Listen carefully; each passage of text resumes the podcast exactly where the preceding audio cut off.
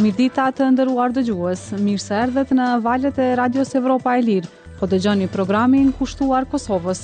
Unë jam Gentiana Kadria dhe bashkë me operatorin Rrahman Osmani, do të jemi me ju në 30 minutat vijues. Si zakonisht, në fillim ju ftoj të dëgjoni titujt kryesorë. Policia e Kosovës gjen fletushka në veri që bëjnë thirrje për rezistencë, nisin hetimet. Ish diplomatja amerikane Jennifer Brush thotë se Kosova dhe Serbia nuk duket se janë të interesuara për zgjidhje të mosmarrëveshjeve. Ndalesa e importeve nga Serbia rrit çmimet në Kosovë.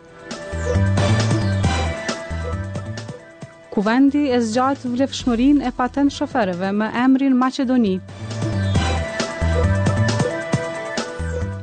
Presidenti amerikan bën thirrje urgjente për mbrojtjen e civilëve në Rripin e Gazës. Qëndroni me ne për të mësuar më gjerësisht për këto dhe të tjera informacione. Radio Evropa e Lirë është media e pavarur amerikane e themeluar nga Kongresi i Shteteve të Bashkuara të Amerikës. Misioni ynë është promovimi i vlerave dhe institucioneve demokratike. Policia e Kosovës ka nisur hetimet pasi në Mitrovicë të Veriut persona ende të panjohur kanë shpërndarë fletushka të ndryshme që bëjnë thirrje për rezistencë dhe nxitje të urrejtjes. Partia kryesore e serbëve në Kosovë ka thënë se me veprimet e tilla po tentohet të fajësohen serbët për incidente të reja të mundshme. Në raportin e rregullt njëzet e katër orësh, policia tha se fletushkat u shpërndanë në hyrje të ndërtesave dhe në rrugë të ndryshme. Zëvendësdrejtori i policisë për rajonin e veriut, Veton Elshani, tha për Radion Evropa e Lirë se dyshohet se këto fletushka u shpërndanë dje, gjatë dhe pas protestës. Në Mitrovicën e Veriut, më dymbëdhjetë shkurt, serbët protestuan kundër vendimit të autoriteteve të Kosovës për ndalimin e përdorimit të dinarit serb për pagesa. Ata kërkuan që të anulohet një rregullore e Bankës Qendrore të Kosovës, që hyri në fuqi më një shkurt, e cila parasheh që vetëm euroja të jetë valuta për kryerjen e pagesave. Nuk ka të dyshimtë e as të arrestuar, tha Elshani për rastin e fletushkave. Fletushkat që janë nënshkruar nga Mbrojtja Popullore, të cilat janë shpërndarë në kanale të ndryshme në Telegram, përmbajnë udhëzime të supozuara për rezistencë ndaj Policisë së Kosovës. Ndër të tjera, në këto fletushka thuhet se Policia e Kosovës duhet të qëllohet me ndonjë mjet, të pështyhen pjesëtarët policorë e të ofendohen. Pastaj të thyhen makinat policore me ndonjë mjet, si dhe të jepen instruksione si të bëhen koktej molotovi dhe të ngjajshme. Radio Evropa e Lirë nuk ka mundur të verifikojë autenticitetin e këtyre fletushkave të shpërndara në rrjetin social Telegram. Lista Serbe, partia kryesore e serbëve në Kosovë, që gëzon mbështetjen e Beogradit zyrtar, u bëri thirrje qytetarëve në veri që të mos bien pre e provokimeve të tilla.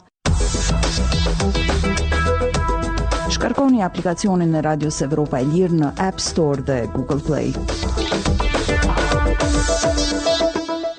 Ish diplomatja amerikane Jennifer Brush, e cila më herët ka shërbyer si zëvendës shefe e misionit të Kombeve të Bashkuara në Kosovë, nuk është optimiste se udhëheqësit e Kosovës dhe të Serbisë duan zgjidhje në dialogun për normalizimin e marrëdhënieve. Në një intervistë dhënë Radios Evropa e Lirë, ajo thotë se derisa presidenti i Serbisë, Aleksandar Vuçiq, e sheh veten si president të botës serbe, ai nuk mund të jetë negociator i ndershëm në asnjë tryezë. Sa i përket kryeministrit të Kosovës, Albin Kurti, ai nuk është zgjedhur për të bërë marrëveshje me Serbinë, ai është zgjedhur për të luftuar për Kosovën, Ai ka obligime ndaj elektoratit të tij dhe do të shkojë në një raund të ri zgjedhjesh së shpejti, thotë ajo. Valona Tela realizoi intervistën me të. Ju ishit me mision në Kosovë rreth një dekadë më parë. Këtë javë Kosova shënon gjashtëmbëdhjetë vjet nga shpallja e pavarësisë. Si ju duket Kosova sot? A ka ndryshuar nga koha kur ju keni qenë atje? There working? Yeah, of course. I mean, I was in Belgrade. Kam qenë në Beograd kur Kosova ka shpallur pavarësinë. Turmat i kanë vënë flakën ambasadës sonë dhe një person është vrarë. Marinsat tanë janë mobilizuar për të mbrojtur ambasadën, popullin tonë. Pushtimi i ambasadës së dikujt tjetër është një incident shumë i rëndë diplomatik. Dhe natyrisht personat që i kanë vënë flakën nuk janë kapur ende, edhe pse unë e kam bërë të qartë në kablogramet e mia të raportimit nga Beogradi dhe në intervistat më pas, se ne e dimë se kush e ka bërë atë. Pra, kjo ka qenë përvoja ime e parë me pavarësinë e Kosovës. Nga ajo kohë ka ndryshuar shumë gjëra, shoqëria e Kosovës ka ndryshuar, Roli i grave ka ndryshuar. Dy gra janë bërë presidente, shumë gra kanë marrë pozita udhëheqëse. Kemi zgjedhje demokratike, parlament funksional, gjykatë të lartë funksionale. Do të mund të ishte edhe më mirë, ka ende korrupsion. Këtë e dimë dhe të gjithë përpiqemi ta luftojmë. Por, që nga bombardimet e NATO-s, Kosova është rritur si demokraci, Dhe kjo duhet të na impresionojë.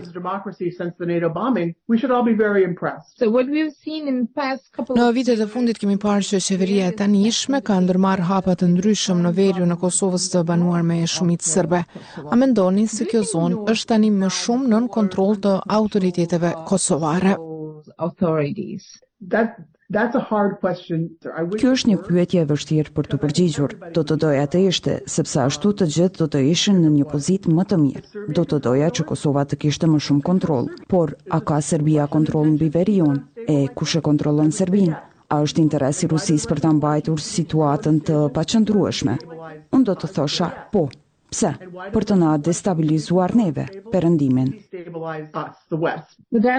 Dialogu mes Kosovës dhe Serbisë ka nisur më shumë se një dekadë më parë. Disa marrëveshje janë arritur, por duket se dy vendet nuk janë ende në të njëjtën vijë. Sa mund të zgjasë kjo sjellje e tyre? It's not clear to me at all that either side. Për mua nuk është aspak e qartë nëse palët janë të interesuara për zgjidhje. Të mos harrojmë se presidenti i Serbisë Aleksandar Vuçiç ka qenë zëdhënës i Millosheviqit. Ai do që ta mbajë Kosovën kështu siç është. Nëse e përcillni shtypin në gjuhën serbe, Kosova është pjesë e botës serbe. Derisa Vuçiç mendon se nuk është vetëm president i Serbisë, por edhe i kësaj bote serbe, unë nuk e shoh atë si negociator të ndershëm në asnjë tryezë. Unë e di se Shtetet e Bashkuara dhe Bashkimi Evropian besojnë se ai është personi që mund të bëjë marrëveshje, sepse e ka mbështetjen e popullit dhe kushdo që është më i dobët se ai, nuk do të ishte në gjendje ta vuloste marrëveshjen. Por unë nuk pajtohem. Ashtu, edhe shumica e vëzhguesve ndërkombëtarë besojnë se zgjedhjet parlamentare në Serbi nuk kanë qenë të ndershme.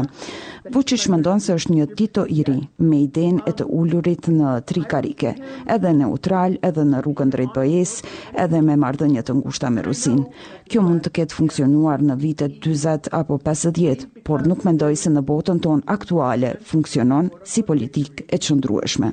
Sa i përket kryeministrit të Kosovës Albin Kurti, ai nuk është zgjedhur për të bërë marrëveshje me Serbinë, ai është zgjedhur për të luftuar për Kosovën. Ai ka obligime ndaj elektoratit të tij dhe do të shkojë në një rund të ri zgjedhjesh së shpejti. Marrëveshja për të do të thoshte krijimi i Asociacionit të Komunave me shumicë serbe. E di se i janë prezantuar modele të ndryshme, por kjo situatë mund të përshkruhet në këtë mënyrë. Cila është më e vjetër, pula apo veza? Pra, ta formojë njëherë asociacionin dhe pastaj të kërkojë njohje nga Serbia, apo ta sigurojë njohjen e pastaj ta themelojë asociacionin. Gjëegjëza e pulës dhe vezës nuk është zgjidhur kurrë. Kështu që nuk e di se çfarë mund të presim nga ky dialog me këta lojtarë. with these particular players. E përmendët asociacionin, është një nga çështjet më të diskutuara edhe tash edhe në kohën kur ju keni qenë në Kosovë. Si e shihni ju funksionimin e këtij organi brenda Kosovës? I think other people have better visions for it than I do. Mendoj se të tjerë njerëz mund të kenë më shumë vizion për këtë çështje. Duhet pasur më shumë vullnet seç ka tani që ai trup të funksionojë.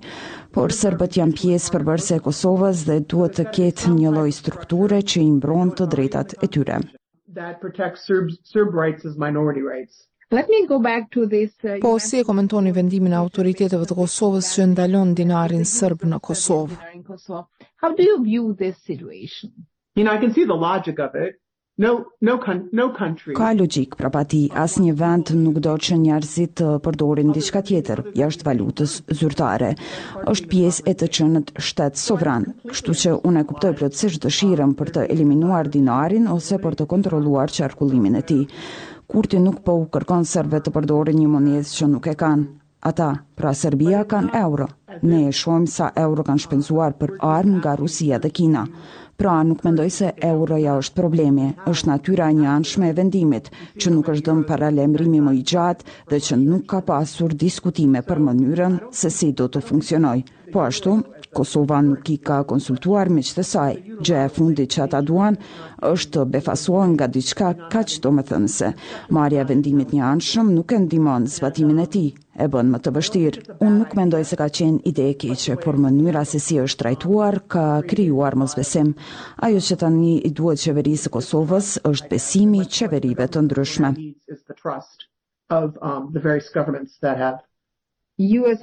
Ambasadori amerikan në Kosovë, Jeffrey Hovenier, ka thënë se ky vendim mund të ndikojë në cilësinë e marrëdhënieve me SHBA-në. A prisni ndonjë masë nga SHBA-ja? Marrë parasysh se mosbindja e Kurtit në të kaluarën është pasuar me masa të caktuara. Unë mendoj se duhet t'i kushtojmë më shumë vëmendje Beogradit dhe Vuçiqit, sepse Kurti mund të bëjë shumë pak brenda kufijve të Kosovës për të destabilizuar rajonin, ndërsa Serbia mund të bëjë shumë. Dhe duket se po bën, duke e inkurajuar udhëheqësin e Republikës Srpska Milorad Dodik dhe duke mbajtur miqësi me rusët. Sikur të isha politikëbërëse, gjë që nuk jam më, do të shpenzoja shumë më tepër kohë duke u fokusuar te Vuçiqi, Serbia dhe veprimet e tyre. Marrë parasysh se në SHBA është vit zgjedhor, si e shihni qëndrimin e ardhshëm të administratës amerikane ndaj Kosovës? Çka mund të ndryshojë? Ju kujtohet ambasadori amerikan Richard Grenell, i cili ka krijuar një pistë të dyfishtë negociatash mes Kosovës e Serbisë, nga të cilat dilnin mesazhe kontradiktore. Ai ka qenë në administratën e ish-presidentit amerikan Donald Trump. Qasja e tij ka qenë e padobishme, nuk mund të keni një mesazh nga Amerika dhe një nga BE-ja. Nën presidentin e tanishëm Joe Biden, BE-ja dhe SHBA-ja kanë punuar shumë ngushtë së bashku për të pasur një mesazh. Mendoj se kjo është e rëndësishme si për Kosovën ashtu edhe për Serbinë, që ta dinë se SHBA-ja dhe BE-ja janë bashkë. Nëse Biden mbetet president, kjo do të vazhdojë të jetë kështu, por Trump, unë nuk mendoj se do të mund ta gjejë Ballkanin në hartë.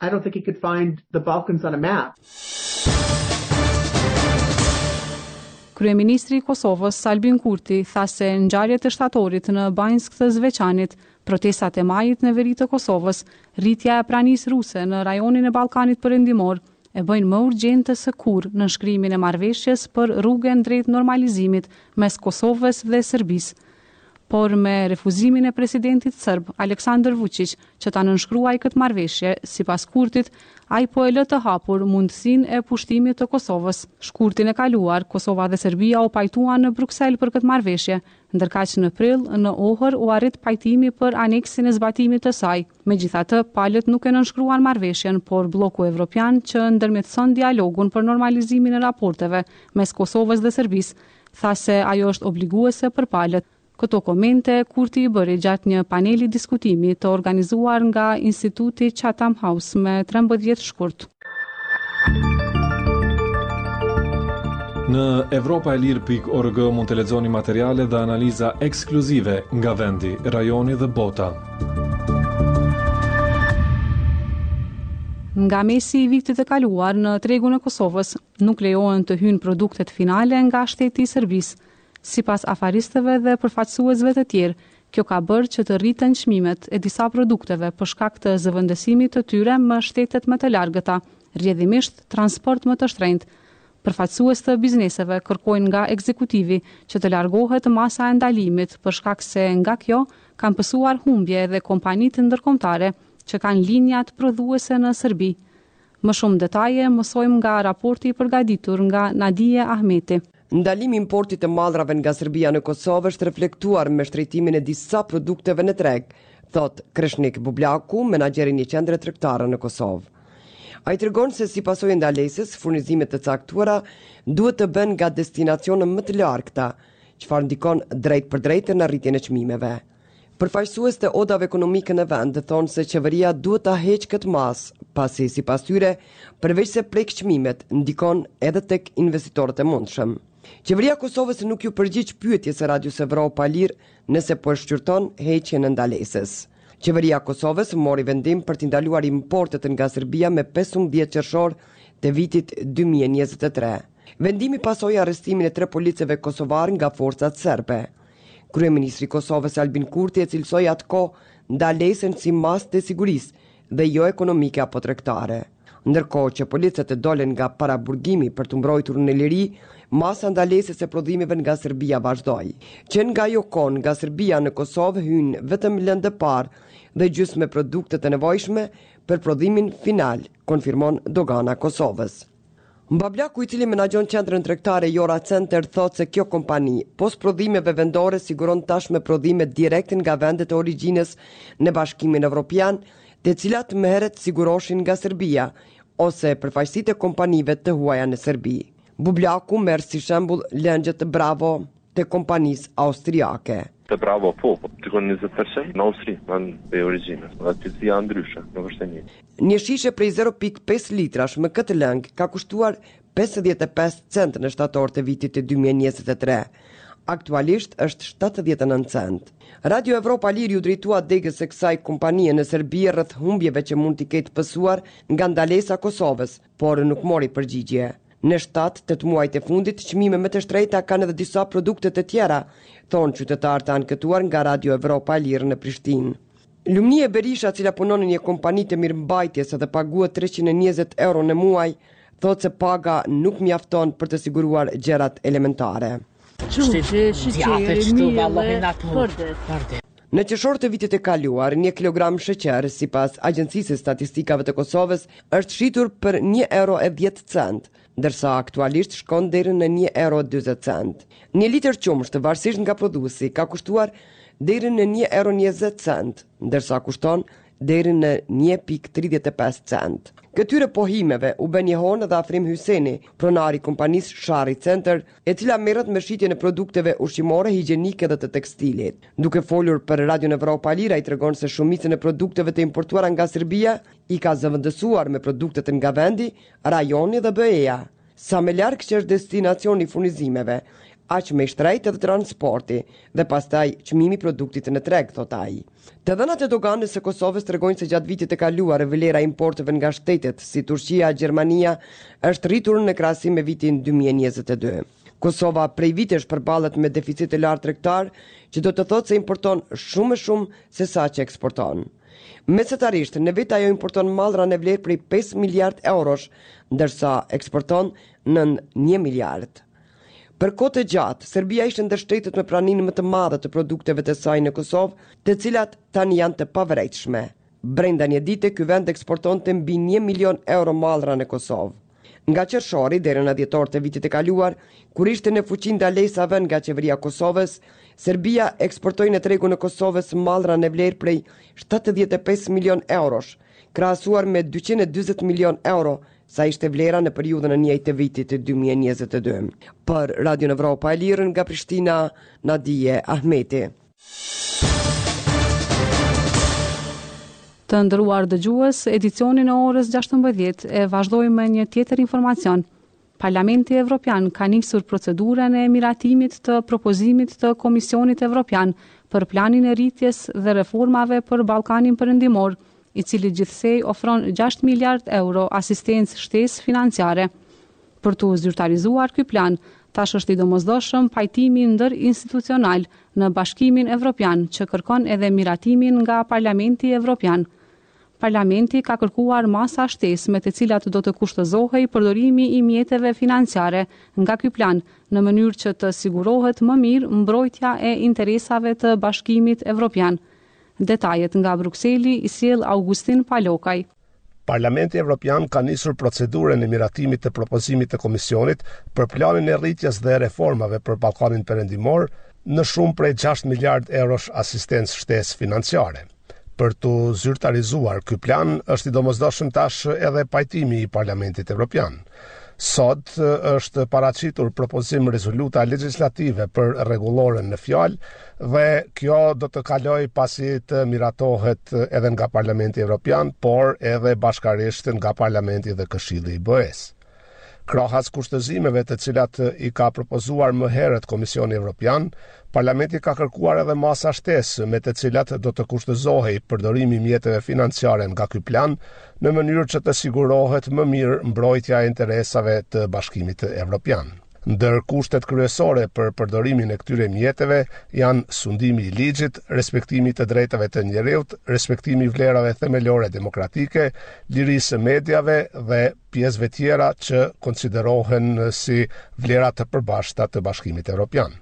Parlamenti Evropian ka kërkuar që, mes tjerash, përdorimi i mjeteve të kushtëzohet edhe me mbështetjen e qëndrimeve të BE-së në politikën e jashtme dhe të sigurisë, përfshirë edhe sanksionet ndaj Rusisë. Një parakusht tjetër do të jetë përshtatja me politikën e përbashkët të jashtme dhe të sigurisë së Unionit, përfshirë miratimin e masave restriktive ndaj Rusisë, sikur edhe me kërkesën e BE-së për vizat për vendet e treta, thuhet në amandamentin që ka propozuar Parlamenti Evropian si kusht shtesë për përdorimin e këtyre mjeteve. Ky propozim ndryshimi mund të ketë efekt kryesisht në rastin e Serbisë, pasi ajo është i vetmi vend i rajonit të Ballkanit Perëndimor, i cili deri më tash nuk i ka mbështetur sanksionet e Bashkimit Evropian ndaj Rusisë përkundër thirrjeve të përsëritura që ta bëjë një gjë të tillë. Por, për t'u përfshirë ky kushtëzim, duhet të pranohet edhe nga Këshilli i Bashkimit Evropian, ku vendosin vendet anëtare të bllokut. Kushtet specifike do të jenë për Kosovën dhe për Serbinë që të angazhohen në mënyrë konstruktive në normalizimin e raporteve. Parakusht do të jetë që Serbia dhe Kosova të angazhohen në mënyrë konstruktive në normalizimin e raporteve mes tyre, me qëllim që të implementohet në tërësi obligimet përkatëse që dalin nga marrëveshja për rrugën drejt normalizimit dhe aneksit për implementim, si dhe të gjitha marrëveshjeve nga e kaluara në dialog, dhe të angazhohen në negociata për marrëveshjen gjithëpërfshirëse për normalizimin e raporteve, thuhet në propozimin e rregullores. Parlamenti Evropian ka propozuar që këtu të shtohet edhe një sqarim që kërkohen rezultate të qarta i marrshëm dhe rezultate konkrete. Sipas këtij plani, rajoni i Ballkanit Perëndimor do të ketë në dispozicion gjashtë miliardë euro shtesë për rritje ekonomike dhe reforma. Këto mjete mund të kenë një kushtëzim të shtuar dhe do të përdoren vetëm nëse respektohen ato. Nga kjo shumë, dy miliardë do të jenë në formën e granteve pa kthim për përfituesit, ndërsa katër miliardë do të jenë në formën e kredive të favorshme për të cilat do të garanton Bashkimi Evropian. Parlamenti kërkon që të sqarohet se kjo është vetëm një shtesë e jo zëvendësim për mjetet që vendet e Ballkanit Perëndimor i marrin nga BE-ja në kuadër të fondeve të paraanëtarësimit. Për Radion Evropa e Lirë nga Brukseli, Augustin Palokaj. Në Maqedoninë e Veriut nga sot nuk vlejnë dokumentet personale me emrin e vjetër Republika e Maqedonisë për dalje nga ky shtet. Zëvendësimi i dokumenteve personale bazohet në Marrëveshjen e Prespës me Greqinë për ndryshimin e emrit të shtetit që ishte arritur më shtatëmbëdhjetë qershor dy mijë e tetëmbëdhjetë për të mundësuar përdorimin e patent shoferëve për përdorim të brendshëm. Kuvendi i Maqedonisë së Veriut disa orë para skadimit të afatit ka miratuar me procedurë urgjente ndryshimet në Ligjin për siguri në komunikacion. Isuf Kadriu sjell më shumë detaje nga Shkupi. Dokumentet personale të qytetarëve të Maqedonisë së Veriut me emrin e vjetër Republika e Maqedonisë, nga trembëdhjetë shkurti kanë dalë jashtë përdorimit për dalje dhe hyrje në këtë shtet. Zëvendësimi i dokumenteve personale, pasaportave, letërnjoftimeve, patent-shoferëve dhe lejeve të qarkullimit, me emrin Maqedonia e Veriut është obligim për banorët e këtij vendi, bazuar në atë që njihet si marrëveshja e Prespës mes Shkupit dhe Athinës për ndryshimin e emrit të shtetit, që ishte arritur më shtatëmbëdhjetë qershor dy mijë e tetëmbëdhjetë. Marrëveshja kishte hyrë në fuqi në shkurt të vitit dy mijë e nëntëmbëdhjetë dhe kishte një periudhë prej pesë vjetësh për të zbatuar obligimet e saj, përfshirë edhe ndërrimin e dokumenteve personale. Përmes një letre qarkore dërguar të gjitha ministrive greke, ministri i Jashtëm i Greqisë, Giorgos Gerapetritis rikujtoi se më dymbëdhjetë shkurt dy mijë e njëzet e katër skadon periudha kalimtare pesëvjeçare lidhur me dokumentet për përdorim ndërkombëtar të Maqedonisë së Veriut. Kreu i diplomacisë greke gjithashtu ka bërë me dije se për hyrje në territorin grek, automjetet nga Maqedonia e Veriut duhet të kenë shënimin NMK ose MK. Pavarësisht skadimit të afatit të dokumenteve të vjetra, shërbimet doganore dhe policore të Maqedonisë së Veriut kanë bërë të ditur se shtetasit maqedonas që kanë udhëtuar drejt Kosovës, Shqipërisë dhe Serbisë kanë kaluar kufirin me dokumentet e vjetra me emrin Republika e Maqedonisë. Edhe pas skadimit të afatit më dymbëdhjetë shkurt, shumë shtetas nuk janë pajisur me dokumente personale me emrin Republika e Maqedonisë së Veriut. Sipas të dhënave të Ministrisë së Punëve të Brendshme, rreth gjashtëqind e pesëdhjetë mijë qytetarë, nga një pikë tetë milionë sa numëron Maqedonia e Veriut, ende nuk kanë arritur të bëjnë zëvendësimin e dokumenteve personale me emrin e ri të shtetit. Për kaosin e krijuar para sporteleve, institucionet kanë fajësuar edhe qytetarët, të cilët, sipas tyre, e kanë pritur momentin e fundit për zëvendësimin e dokumenteve, edhe pse kishin kohë të mjaftueshme. Për shkak të mungesës së formulareve, qytetarët shqiptarë nuk mund të marrin pasaporta dhe letërnjoftime në dy gjuhë, shqip dhe maqedonisht. Ministri i Punëve të Jashtme, Bujar Osmani në një konferencë për media të premten tha se qytetarët që ndodhen jashtë vendit pas datës dymbëdhjetë shkurt dhe që kanë dokumentet e vjetra udhëtimi do të mund të kthehen në vend me një fletë udhëtimi e cila lëshohet në zyrat diplomatike dhe misionet konsullore.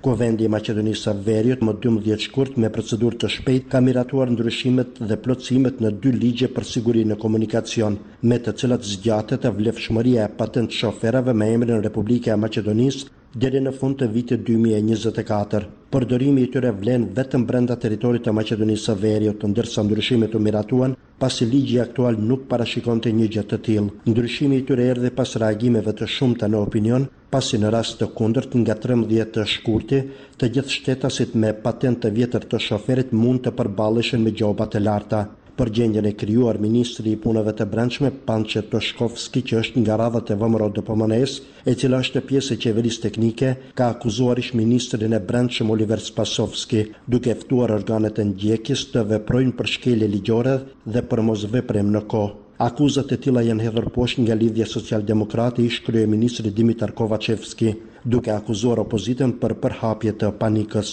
Përhapja e panikut dhe dhënia e çfarëdo deklarate populiste, që nuk është në drejtim të zgjidhjes së problemit me dokumentet personale nuk sjell asgjë të mirë, thuhet në reagimin e LSDM-së. Për Radion Evropa e Lirë nga Shkupi, Isuf Kadriu.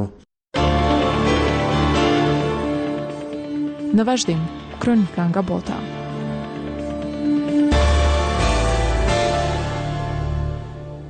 Presidenti amerikan Joe Biden ka përsëritur thirrjen e tij urgjente për mbrojtjen e popullsisë civile, përderisa ushtria izraelite po përgatitet për një sulm në qytetin Rafah në Rripin e Gazës.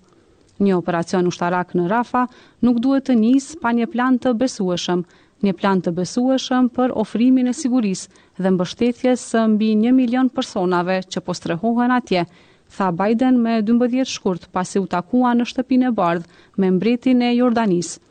Shumë persona në Gazë janë zhvendosur për shkak të luftimeve që nisën, pasi Hamasi, grupi palestinez, i shpallur organizatë terroriste nga Shtetet e Bashkuara dhe Bashkimi Evropian, kreu sulmin e shtatë tetorit në jug të Izraelit, duke çuar në kundërpërgjigje të fuqishme të Izraelit.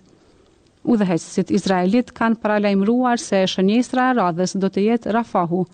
Biden tha se personat që janë strehuar në këtë qytezë janë të ekspozuar dhe të cenueshëm. Ata duhet të mbrohen, tha udhëheqësi amerikan. Qeveria amerikane e ka bërë të qartë që në fillim se është kundër çdo dëbimi me forcë të palestinezëve nga Rripi i Gazës. Ndërkaq mbreti Abdullah i Jordanisë paralajmëroi kundër një ofenzive izraelite në Gazë. Ne nuk mund të përballojmë një sulm izraelit në Rafah. Është e sigurt se do të prodhojë një krizë tjetër humanitare, tha ai. Ushtria izraelite ka thënë se po harton plane, që përfshijnë edhe evakuimin e qindra mijëra civilëve që po strehohen në Rafah, që gjendet në cepin më jugor të Rripit të Gazës, në kufi me Egjiptin. Sipas Kombeve të Bashkuara, në Rafah aktualisht gjenden një pikë tre milionë persona. Kjo qytezë kishte një popullsi prej afër dyqind e pesëdhjetë mijë personash para se të niste lufta. Në sulmin që nxiti luftën, Hamasi vrau rreth një mijë e dyqind persona, shumica civilë, dhe rrëmbeu afër dyqind e pesëdhjetë të tjerë nga jugu i Izraelit, si pasojë e ofensivës izraelite në Rripin e Gazës, Janë vrarë mbi njëzet e tetë mijë persona, sipas zyrtarëve lokalë shëndetësorë.